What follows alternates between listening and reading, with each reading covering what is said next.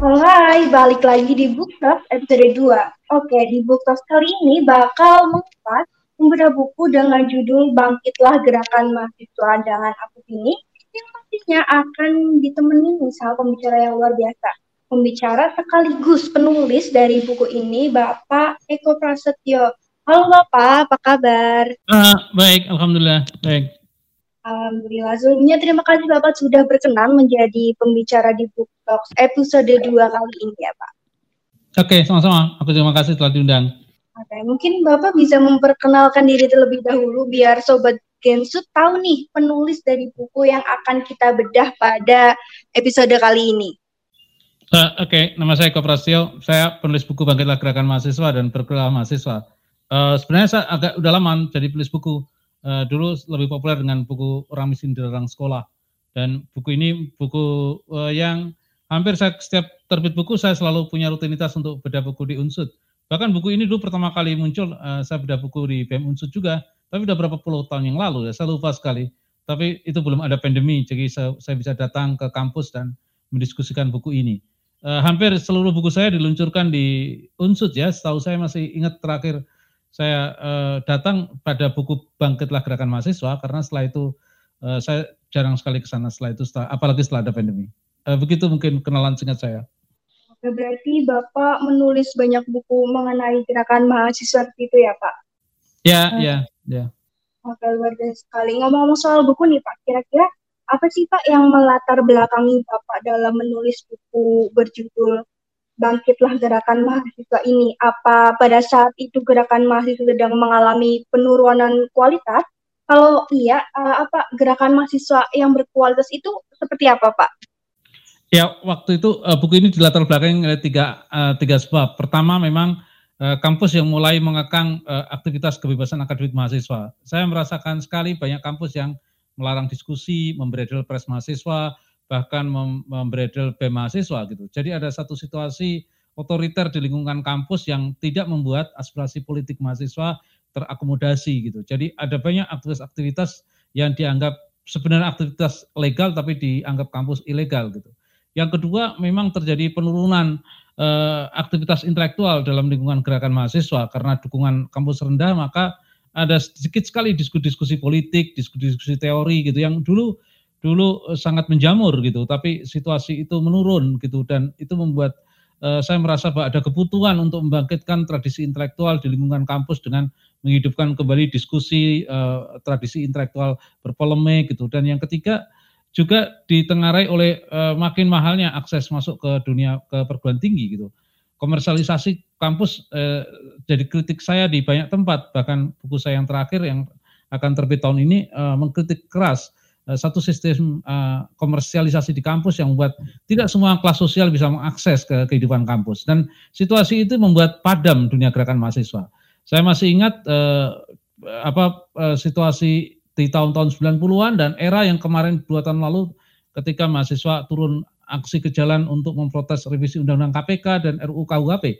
Menurut saya itulah uh, satu semangat patriotik mahasiswa untuk terlibat dalam urusan-urusan sosial lagi, urusan-urusan kenegaraan karena itulah sebenarnya uh, uh, peran kampus, fungsi kampus dia membangun kepedulian pada sekitarnya dan menjadi obor penerang bagi situasi sosial masyarakat dan buat saya gerakan mahasiswa adalah gerakan yang menghidupkan lagi harapan-harapan masyarakat akan keadilan, akan nilai-nilai kemanusiaan, akan penghargaan pada nilai-nilai uh, egaliter gitu dan itu yang menurut saya menjadi tampilan terbaik dari sebuah gerakan mahasiswa. Dia melakukan kritik atas sistem politik yang jumut, tapi juga dia memberikan uh, hak, memberikan harapan bahwa uh, kekuatan ini bisa menjadi kekuatan yang memberikan inspirasi bagi masyarakat tentang tatanan yang ideal yang mau dicapai. Mungkin itu. Oke, berarti uh, tujuan Bapak dalam menulis buku ini ingin uh, membangkitkan mahasiswa-mahasiswa yang lebih kritis lagi yang lebih bisa melihat sekitar di sekitar mereka mulai dari yang terdekat seperti uh, perkuliahan atau biaya pendidikan atau masalah-masalah uh, yang sebenarnya ada di dekat mereka. Jadi Bapak bertujuan untuk membuka mata para mahasiswa untuk lebih mau bergerak seperti itu ya Pak? Ya, dulu ketika saya dulu sering mengisi eh, pendengar masa baru sebelum pandemi, uh, selalu saya katakan bahwa mahasiswa ada agen perubahan gitu dan itu uh, ada gium yang diulang-ulang berkali-kali bahwa aktor gerakan aktor mahasiswa adalah aktor perubahan sosial. Republik ini didirikan oleh dua mahasiswa, proklamasi ini dibacakan oleh dua mahasiswa, Soekarno masa teknik, Hatta masa ekonomi. Artinya mahasiswa adalah figur alternatif bagi harapan bangsa yang mengalami banyak sekali persoalan. Dia mestinya situasi sosial yang buruk gitu kan.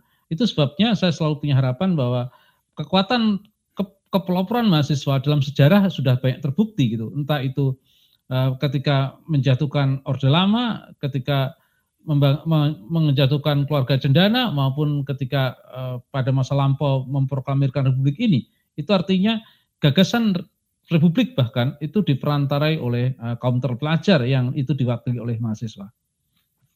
Oke, uh, jadi di notis mengenai kuliah ya Pak. Pada buku itu dikatakan uh, kalau nih tolak ukur kebahagiaan mahasiswa saat ini adalah lulus cepat, IPK bagus, fasilitas kampus yang bagus, berkuliah di kampus ternama dan bukan bahagia atau bangga telah ikut andil melawan aturan pemerintah yang kadang terkesan ngawur apa apa yang salah dengan hal tersebut ya Pak? Apa mahasiswa harus harus diwajibkan ikut andil dalam dunia perpolitikan? Ya, bagi saya eh, ketika kita kuliah gitu, yang harus kita tanggalkan adalah eh, kepentingan-kepentingan individual gitu. Karena dengan kuliah kita sebenarnya bertemu dengan nilai-nilai yang lebih egaliter, nilai-nilai yang humanis, nilai-nilai kemanusiaan, pada tingkat usia dewasa mestinya yang kita tidak berpikir untuk kepentingan diri kita sendiri, tapi kita juga berpikir status mahasiswa itu seperti apa sebenarnya pada masa sejarahnya. Di masa sejarahnya seperti saya tadi katakan, keterpeloporan mahasiswa itu terbukti eh, di banyak periode sejarah gitu. Artinya mereka lah yang sebenarnya eh, membangun atlas bagi kehidupan republik ini gitu. Sayangnya kampus telah mengubah eh, cita-cita utopia itu menjadi cita-cita yang sangat dangkal kampus kemudian mengerucutkan cita-cita mahasiswa adalah bekerja, uh, kuliah cepat, uh, lalu secepatnya bekerja, kemudian nikah, punya keluarga dan uh, mati cepat gitu. Kira-kira pendangkalan ini dilakukan sedemikian rupa sehingga kepentingan mahasiswa ketika kuliah tidak ada lain kecuali menjadi sarjana. Padahal jauh dari itu. Kuliah bukan sekedar menjadi sarjana, tapi kuliah juga mendapatkan pengalaman berpengetahuan kuliah kemudian juga dituntut untuk memikirkan hal-hal di luar kepentingan dirinya. Yang kedua, eh, sejak negara mengurangi subsidi, menurut saya sejak itu kampus kemudian menjadi sangat mahal gitu. Keterutama di kampus-kampus perguruan tinggi negeri dengan pencap, dengan meletakkan eh, perguruan tinggi sebagai sektor jasa ketika ada eh, perjanjian perdagangan bebas, sejak itu kuliah itu tidak mudah diakses oleh orang-orang tidak mampu. Kalau kuliah diisi oleh kelas-kelas mapan, orang-orang mapan, maka tidak ada gejolak di situ. Dulu saya kuliah di tahun 90-an adalah kuliah yang uh, ada heterogenitas kelas, ada orang miskin, ada orang kaya, ada orang nggak mampu, ada orang mampu bercampur gitu. Sehingga uh, empati kita mudah sekali tersulut karena kita berada dalam satu ruang kelas sosial yang beragam. Sekarang sulit untuk uh, mendorong situasi itu karena uh, kita hampir punya kelas sosial yang sama kuliah gitu. Apalagi pada fakultas-fakultas yang tertentu, fakultas-fakultas yang mahal, yang diisi penuh oleh orang kaya. Saya rasa sulit untuk memiliki gejolak perubahan ketika sekitar kita, lingkungan kita tidak mempersoalkan itu semuanya. Nah, kekhawatiran saya ketika kuliah menjadi mahal, orang tidak mempersoalkan uh, adanya ketidakadilan, adanya ketimpangan, karena mereka kuliah mahal pun sanggup, apalagi uh, apa tidak ada kepentingan lain kecuali akan bekerja. Artinya kuliah dimaknai sebagai investasi. Kalau kita kuliah, mestinya uang kuliah yang mahal itu akan kembali dan itu diantarkan dengan pekerjaan yang mapan. Nah, situasi itu yang memper, memperburuk atau situasi itu yang membuat mahasiswa tidak berpikir hal-hal utopia atau hal, -hal besar. Masa hanya berpikir hal-hal sederhana, singkat dan simpel. Dan itu membuat uh, variabel ketiga gerakan mahasiswa tidak tumbuh gitu. Saat reformasi di korupsi itu menurut saya ada episode yang paling membanggakan karena ketika itu meskipun kuliah mahal tetapi mahasiswa merasa bahwa tindakan-tindakan politik negara entah itu soal revisi undang-undang KPK, undang-undang Minerba, RUU KUHP itu mengancam dirinya gitu. Itu mengancam masa depannya. Saat itulah mereka turun ke jalan. Nah, suasana terancam itulah yang sebenarnya membuat mahasiswa itu bangkit. kita nggak mungkin membuat negara ini dipenuhi oleh para koruptor. Mahasiswa tentu akan buruk masa depannya kalau situasi politik itu situasi yang di, di, dihantui oleh uh, oligarki, oleh para koruptor gitu. Mereka tidak ingin itu semuanya, maka mereka tampil di reformasi di korupsi untuk menghentak uh, kekuasaan agar uh, menghentikan revisi itu, walaupun akhirnya revisi itu lolos, tapi paling tidak RUU KUHP uh, itu digagalkan dulu. Setidaknya dengan kekuatan massa yang saat itu muncul di berbagai kota, istana, parlemen mulai mulai melihat bahwa kekuatan ini sebenarnya kekuatan moral yang masih punya peran. Kekuatan ini tidak bisa ditindas hanya dengan kuliah yang mahal atau dengan tekanan kampus. Kekuatan ini adalah kekuatan yang genuine, artinya kekuatan yang sebenarnya masih menyuarakan harapan-harapan akan sebuah negeri yang ditata dengan lebih baik. Oke baik berarti itu ya Pak um, menjadi IPK bagus atau fokus perkuliah itu sebenarnya bukan hal yang salah, tetapi balik lagi ke tujuan tujuan sebagai mahasiswa ya yang harus dilakukan sebagai mahasiswa seperti yang Bapak sampaikan tadi sebagai penggerak atau merubah merubah negara sendiri, merubah tatanan-tatanan yang dibilang terkesan ngawur. Jadi sebagai mahasiswa uh, diharapkan diharapkan bisa bisa bisa mengubah atau harus ikut andil dalam dunia perpolitikan itu balance ya Pak? Iya, saya rasa memang uh, segaris dengan dengan uh, peran yang hari-hari ini mulai sebenarnya kalau sistem demokrasi itu uh, sistem yang berjalan dengan dengan normal itu peran mahasiswa tidak terlampau besar. Menurut saya ketika parlemen bekerja dulu gerakan mahasiswa itu muncul di era-era Orde Baru ketika Senayan adalah kepanjangan dari istana gitu. Eh, parlemen uh, sebangun dengan istana, maka tidak ada kekuatan oposisi. Waktu itu ada eh, organisasi masyarakat sipil atau LSM, tapi jumlahnya tidak banyak. Maka tahun-tahun 90-an gerakan massa tampil karena tidak ada kekuatan oposisi saat krisis ekonomi menjelang saat kekuatan otoriter Soeharto mulai uh, mulai uh, mengkhawatirkan, maka gerakan mahasiswa menjadi gerakan yang uh, hadir sebagai jalan keluar gitu. Demikian pula situasi hari ini. Kita lihat bahwa tidak ada kekuatan oposan karena semua nyaris hanya ada Partai Demokrat dan PKS yang berada di luar istana, tapi semua kekuatan mayoritas ada dalam istana. Nyaris kita tidak ada kekuatan oposisi saat ini, apalagi dengan adanya Undang-Undang ITE, ada berbagai banyak pemasungan kebebasan membuat gerakan mahasiswa gelisah, resah dan nggak mungkin uh, tidak ada yang menyuarakan soal minyak goreng yang mahal lah, soal konflik agraria lah, soal tambang yang di mana-mana membahayakan lingkungan lah.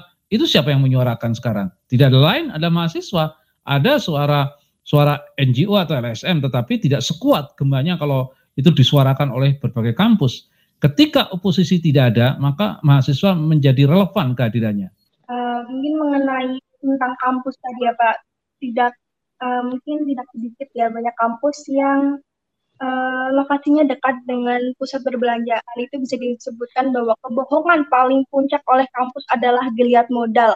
Kemudian meng mengakibatkan timbulnya ruang pergaulan mahasiswa yang suka berbelanja. Ini pertanyaan saya, apa hal seperti itu akan berpengaruh terhadap kualitas mahasiswa atau pergerakan mahasiswa? Apa hubungannya, Pak? bukannya semakin dekatnya pusat perbelanjaan akan memudahkan mahasiswa untuk memenuhi kebutuhannya. Lingkungan kampus saya belajar uh, pernah keluar gitu, uh, tidak se ekstrim di Indonesia gitu.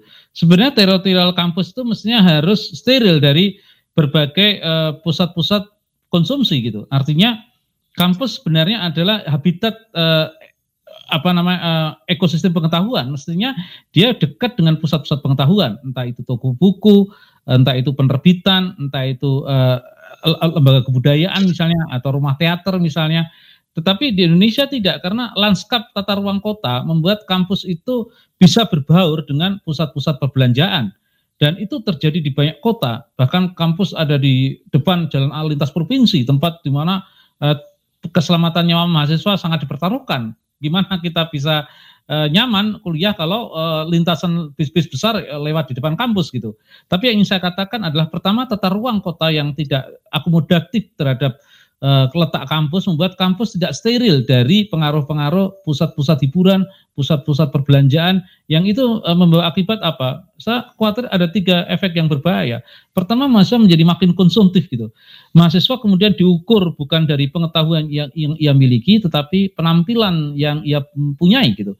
Sehingga orang kuliah bukan berpikir bawa buku apa, tapi bawa baju apa gitu. Kira-kira dan itu menjadi bagian etalase kampus yang luar biasa sehingga orang lebih sibuk mengurus penampilan ketimbang uh, pengetahuan apa yang uh, aku miliki gitu. Dan itu karena mahasiswa menjadi makin konsumtif. Bukan apa yang aku aku kenakan tapi juga apa yang aku bawa. Entah itu HP entah itu merek laptop entah itu apa, apa apa pun itu uh, jelas itu membutuhkan biaya yang tidak sedikit. Dan terbukti ada satu riset mengatakan bahwa pengeluaran mahasiswa banyak digunakan untuk kepentingan-kepentingan entah itu beli pulsa, beli baju ketimbang membeli buku. Itu artinya apa?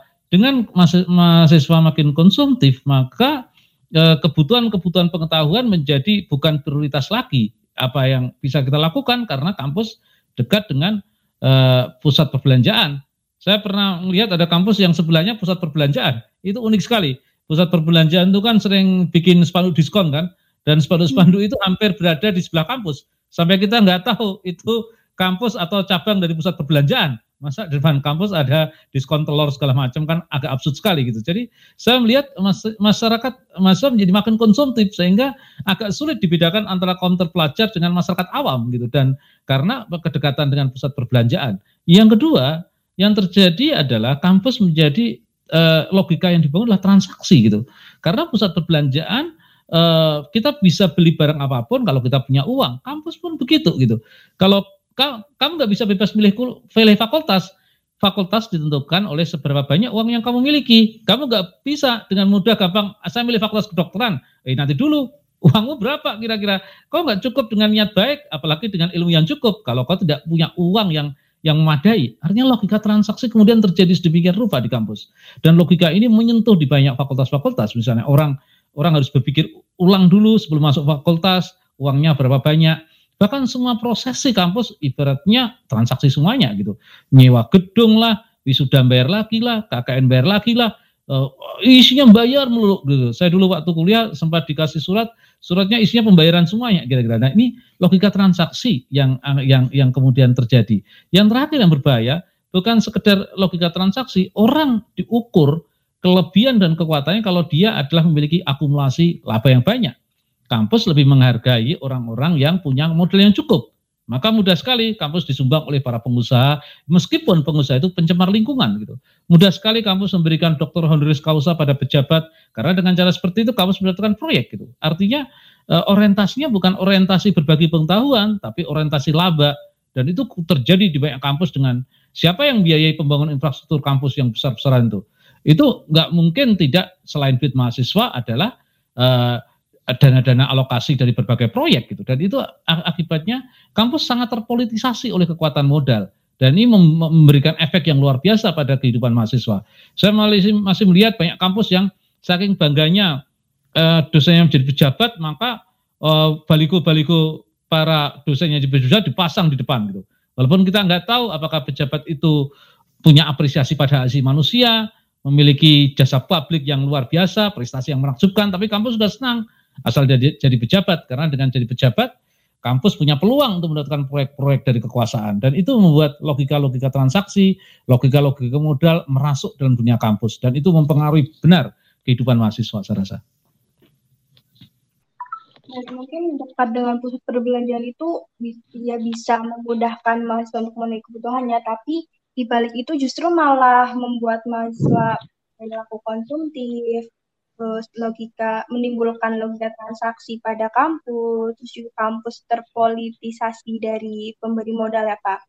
Mungkin uh, lanjut ke bab yang ketiga itu terdapat subbab mengenai kekaisaran modal, lawan utama gerakan mahasiswa, surat untuk para pengkhianat. Kira-kira apa sih Pak tujuan yang yang apa sih yang sebenarnya akan Bapak sampaikan pada bab ini, bab yang ketiga?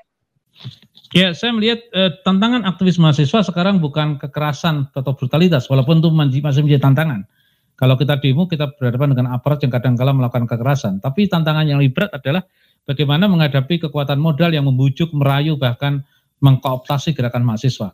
Dulu tekanan kekerasan, sekarang uang yang menjadi tekanan. Itu artinya mahasiswa benar-benar dipertaruhkan integritasnya gitu. Apakah idealisme itu masih bertahan meskipun dia usai kuliah, bekerja, tetapi apakah idealisme itu digadekan gitu. Kita lihat ada banyak aktivis-aktivis kampus yang dulu ikut menumbangkan kekuasaan otoriter, kini bergabung dengan kekuasaan dan bahkan ikut terlibat dalam revisi Undang-Undang KPK misalnya.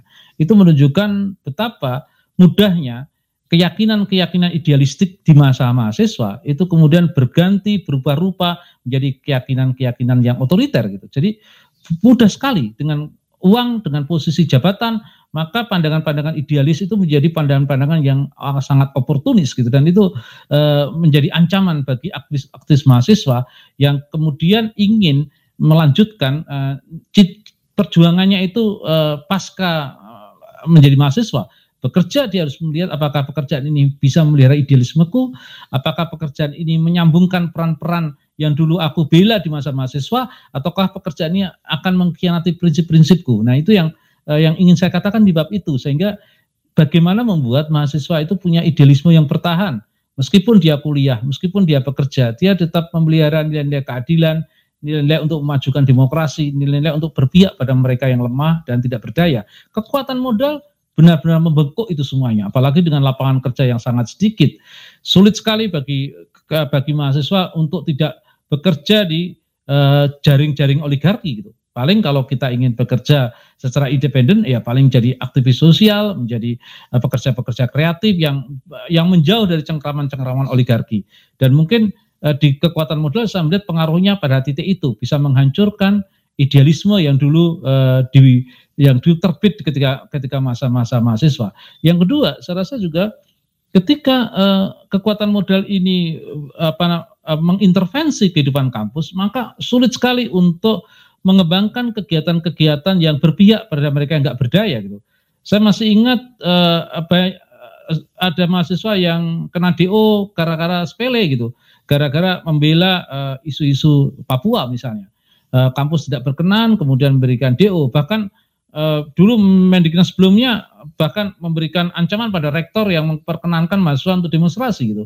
Jadi tekanan-tekanan itu kemudian menjadi tekanan-tekanan yang membredel aktivitas-aktivitas mahasiswa yang dianggap itu membahayakan status quo. Ini kedekatan dengan modal membuat uh, benar-benar keinginan kekuatan modal ada bagaimana mahasiswa itu tugasnya hanya belajar saja, tidak ngurus usaha ngurus yang lain-lain dan itu membawa akibat kekuatan modal membawa efek pada perumusan kurikulum kurikulum menjadi lebih singkat, berorientasi sangat praktis gitu dan benar-benar apalagi sekarang dengan kamus merdeka, merdeka belajar, anak-anak didorong untuk menjadi uh, uh, pekerja-pekerja yang magang gitu.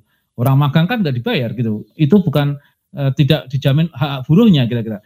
Uh, industri mendapatkan keuntungan karena mendapatkan tenaga kerja yang terdidik tapi nggak dibayar atau gratisan gitu. Dan itu membuat uh, apa namanya konsep menautkan antara mahasiswa dengan pasar dunia kerja pada masa-masa kuliah itu menjadi konsep yang sangat rawan untuk disalahgunakan. Itu menunjukkan betapa kekuatan modal melakukan intervensi luar biasa pada pengembangan aspek kurikulum dan metode pembelajaran. Mungkin itu. Mengenai dunia kerja ya Pak, di buku itu menjelaskan eh, kalau mahasiswa yang terjun ke dunia politik itu susah mencari kerja atau kayak memperjuangkan memperjuangkan negaranya sendiri justru malah sulit mencari kerja kira-kira apa sih Pak indikator yang bisa membuat mahasiswa itu menjadi sulit mencari kerja karena berpolitik gitu Pak? Ya eh, karena memang mahasiswa yang kritis eh, sebenarnya agak sulit untuk bekerja di sektor-sektor yang memang dia harus tunduk pada proses hierarki yang otoriter gitu agak sulit bagi kalian yang menjadi aktivis misalnya yang lebih terbiasa hidup secara independen, pandangan-pandangannya dihargai, kemudian eh, apa ide-idenya diapresiasi untuk bekerja di sektor formal misalnya Anda harus ketemu dengan proses hierarki yang yang tidak mudah gitu untuk diakomodasi. Maka untuk aktivis-aktivis ya ruang pekerjaannya tidak ada lain kecuali ruang-ruang politik gitu yang mengakomodasi ide-ide mereka, pandangan-pandangan mereka, potensi-potensi mereka. Saya melihat kesulitannya kalau mereka bekerja di sektor-sektor formal atau bekerja di lingkungan-lingkungan korporasi yang mau tidak mau harus membuat mereka terdisiplinkan. Mereka tidak menjadi lebih bebas lagi. Ada kawan saya yang bekerja menjadi humas di satu perusahaan, di mana satu di antaranya tugasnya adalah uh, mengatasi konflik-konflik perusahaan dengan masyarakat. Saya rasa dia sangat terganggu sekali idealismenya. Pada satu sisi dia harus bekerja untuk uh, perusahaan yang membayari dia, rumah tangganya dan sebagainya, pendapatan dia, tapi pekerjaannya begitu tidak tidak suci sekali karena dia harus uh, menaklukkan masyarakat uh, di mana ruang hidup mereka akan diekspansi oleh perusahaan. Nah, peran-peran itu menjadi sulit bagi para aktivis yang yang yang masih punya nurani, masih punya kepedulian dan kepekaan akan sangat terganggu bagi mereka untuk melihara idealisme ketika dia bekerja pada sektor-sektor yang bertentangan dengan keyakinan-keyakinannya. Nah, hal-hal itu yang saya lihat eh, kesulitan-kesulitannya. Tetapi di masa sekarang saya lihat pekerjaan memberikan eh, dunia pekerjaan sekarang memberikan ruang yang lebih leluasa. Misalnya pekerja-pekerja kreatif ada banyak sekali gitu. Bahkan sampai sekarang saya menjadi penulis karena pilihan gitu karena saya merasa dengan cara seperti itu saya lebih independen, lebih bisa menyuarakan pandangan-pandangan saya dan tidak ada kekangan kira-kira. Nah, dunia-dunia kreatif itulah dunia yang sangat terbuka hari ini. Kita tidak harus bekerja di sektor formal, kita tidak harus bekerja di sektor korporasi raksasa, tapi dengan uh, pengembangan diri, pengembangan kreativitas itu lebih banyak eh, peluang-peluang uh, yang yang terbuka. Menurut saya eh, peluangnya jauh lebih banyak sekarang ketimbang masa-masa saya untuk teman-teman aktivis.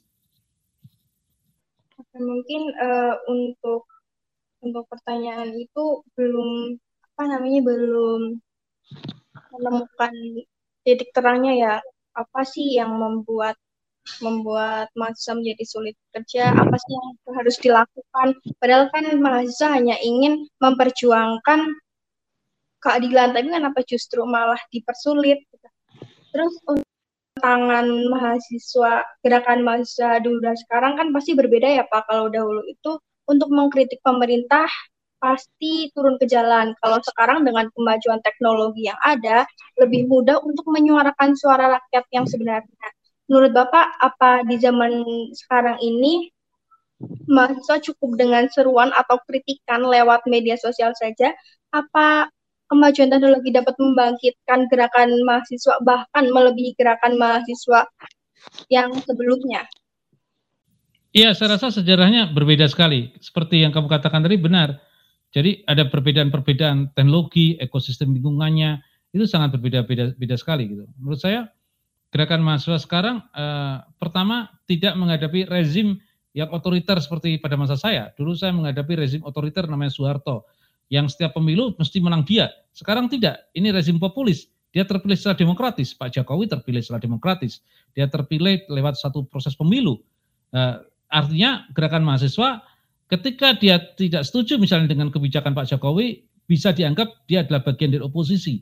Artinya yang kita hadapi bukan rezim otoriter pada masa dulu, tapi satu rezim yang resmi, yang populis, yang dipilih dengan cara demokratis. Itu agak sulit ketika kita menentang Eh, kebijakan-kebijakan dan keputusan politiknya karena itu merepresentasikan kekuatan rakyat karena pemilu adalah sirkulasi elit politik yang resmi kira-kira dan itu membuat uh, tidak tidak segampang dulu gitu. Dulu mudah sekali kita mendapatkan dukungan masyarakat karena uh, masyarakat juga benci pada Soeharto yang ber, terlalu lama berkuasa.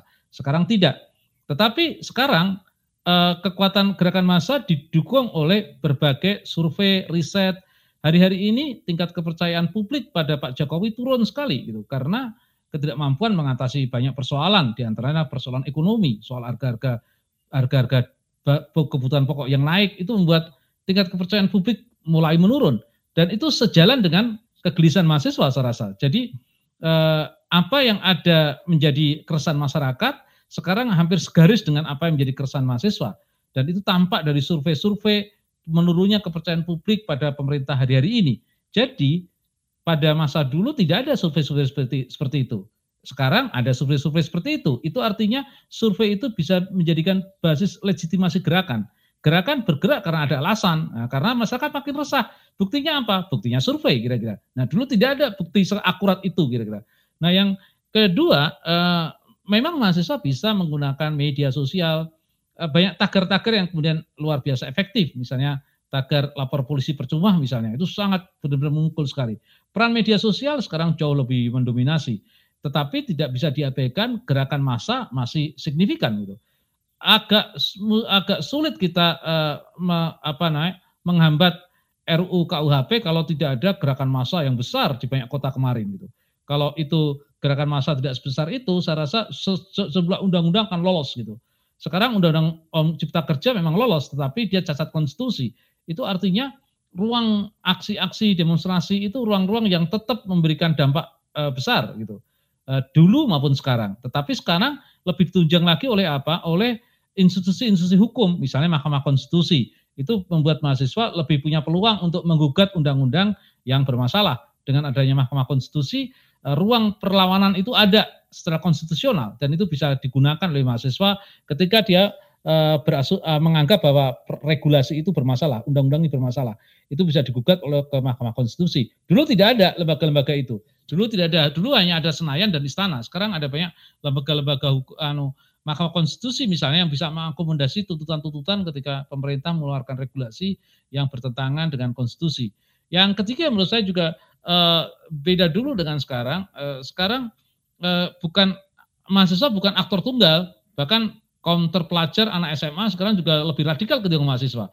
Artinya kesadaran berpolitik itu tidak tumbuh hanya di counter pelajarnya di kelompok mahasiswa, tapi sektor-sektor lain sekarang juga bergerak. Kaum pelajar, buruh, guru, hampir semua sektor itu kemudian muncul menjadi aktor ke kekuatan baru yang yang ini menurut saya men, menambah energi gerakan mahasiswa. Kalau dulu gerakan mahasiswa tampil uh, kalau vokalis itu benar-benar vokalis yang yang tidak ada grupnya. Sekarang ada banyak grup yang terlibat. Kita lihat kan kemarin ketika reformasi di korupsi ada emak-emak, ada ormas keagamaan, ada kaum pelajar yang yang ikut bergerak. Artinya sekarang kekuatan yang Eh, apa yang kekuatan yang kecewa itu banyak dan mahasiswa adalah salah satu di antaranya. Tapi mahasiswa bisa mempelopori inisiatif-inisiatif uh, gerakan gitu seperti kasus di uh, gerakan reformasi di korupsi kemarin. Oke, berarti dengan kemajuan teknologi ini justru malah membantu membantu mahasiswa dalam menyuarakan menyuarakan suaranya ya Pak. Mungkin ya. Uh, pesan Bapak untuk mahasiswa dan gerakan mahasiswa pada malam ini itu apa sih Pak? Ya, saya melihat bahwa uh, buku ini sebenarnya didedikasikan oleh teman-teman mahasiswa yang baru kuliah atau kuliah sedang aktif di gerakan gitu. Bagi saya, uh, gerakan mahasiswa adalah uh, aktor bersejarah dalam perubahan politik di Indonesia. Uh, dalam periode-periode periode-periode tertentu ketika uh, kekuasaan itu otoriter, kekuasaan itu menjadi makin diktator, kekuasaan makin korup, interupsi yang paling besar adalah gerakan mahasiswa. Dia yang mampu menghentikannya. Dia yang uh, bisa mencegat kekuasaan itu tidak makin absolut gitu. Itu adalah uh, keterpeloporan dari gerakan mahasiswa. Sejarahnya telah membentuk gerakan mahasiswa menjadi aktor yang penting signifikan dalam proses perubahan sosial. Yang kedua, buku ini ingin menyarankan bahwa kuliah itu bukan sekedar meraih gelar sebagai sarjana. Kuliah adalah petualangan pengetahuan. Masa-masa terbaik anak muda itu adalah ketika dia menjadi mahasiswa. Jangan sampai masa itu menjadi hilang karena kita punya mimpi yang dangkal. Hanya bekerja, hanya berkeluarga, hanya mendapatkan IP yang tinggi. Itu mimpi yang sederhana dan semua orang juga sedang mengejar mimpi itu. Tetapi ketika menjadi mahasiswa, mimpilah mimpi besar. Mimpi untuk merawat negeri ini lebih baik karena kondisi negeri ini memang makin merosot masyarakat makin tidak percaya dengan rezim, masyarakat makin bosan dengan masyarakat makin tertekan dengan kenaikan harga-harga bahan kebutuhan pokok. Suara-suara pedih itu mestinya menjadi suara mahasiswa hari ini. Karena itu ketika kuliah yang kita pikirkan bukan kepentingan diri kita sendiri, tapi marilah kita meluaskan kepentingan kepentingan kemanusiaan. Riset membuktikan dan buku Bangkitlah Gerakan dan Bergerak Masa mengatakan sambat di bergerak masa saya bahkan membuktikan ada banyak riset mengatakan bahwa kalau kita aktif dalam dunia gerakan semasa mahasiswa, insya Allah kita selalu mendapatkan pekerjaan yang terbaik. Tidak pernah ada kesulitannya bagi seorang aktivis untuk mendapatkan uh, ruang karir yang terbuka bagi mereka. Karena kepedulian, kepekaannya itu akan terus tetap berharga di, di masa sekarang maupun di masa depan. Itulah anjuran saya dengan buku Bangkitlah Gerakan Mahasiswa. Dan yang terakhir menurut saya adalah saya ingin uh, dengan buku ini saya berharap mengingatkan kembali mandat sebuah kampus. Sebuah kampus didirikan bukan sekedar untuk melahirkan para pekerja, sebuah kampus didirikan untuk membangun karakter bangsa. Muhammad Hatta dalam satu uh, peristiwa disnatalis mengatakan bahwa tugas sebuah perguruan tinggi adalah mengembangkan karakter dan karakter itu tidak hanya diperoleh dari nilai, tapi karakter diperoleh dengan lingkungan yang membuat karakter itu tumbuh, berkembang dan kemudian juga eh, karakter itu diminat eh, karakter itu menjadi makin kokoh gitu. Artinya lingkungan pembelajaran mestinya harus diubah, bukan lingkungan yang menghukum, bukan lingkungan yang mendisiplinkan semata, tapi lingkungan yang memberikan ruang kebebasan buat mahasiswa agar mereka tumbuh sebagai anak muda yang punya mimpi, punya fantasi, punya harapan dan punya kenekatan. Itulah yang saya uh, harapkan dengan buku Bangkitlah Gerakan Mahasiswa. mungkin uh, bisa ditarik kesimpulan ya pada bab satu itu kuliah menuntut menuntut mahasiswa untuk memberikan output bagi orang lain atau masyarakat, tidak lagi mahasiswa yang memikirkan diri sendiri. Ini semakin ke sini pemerintah memotong subsidi perkuliahan, jadi perkuliahan menjadi mahal, kita malah terbiasa dengan perkuliahan yang mahal tersebut, bukannya merasa terancam. Lalu pada bab kedua, eh, kampus adalah pusat ilmu pengetahuan, lanskap lokasi, tempat perkuliahan dekat dengan per, dengan belanja dan ekonomi, seharusnya orang yang berkuliah tidak terpengaruh oleh aspek-aspek tersebut. Mahasiswa malah menjadi konsumtif, lebih mementingkan untuk membeli barang-barang, kosmetik seperti kosmetik, busana, ketimbang buku dan referensi ilmu lainnya. Lalu pada bab yang selanjutnya, tantangan mahasiswa bukan hanya kekerasan, tetapi kekuatan modal uang. Mahasiswa digoyahkan idealisme de idealismenya dengan uang. Betapa mudahnya idealisme yang ada di dalam pikiran mahasiswa untuk dihidupi. Ini menjadi ancaman bagi perjuangan mahasiswa bagaimana masih tetap berada pada idealisme di tengah gempuran kekuatan modal dan suap. Lalu pada bab yang terakhir itu dahulu mudah untuk kita mempengaruhi masyarakat karena Pak Soeharto sudah lama menjabat, saat ini ada terobosan karena dimodernisasikan dengan teknologi dan data, seperti data kepercayaan masyarakat terhadap pemerintahan.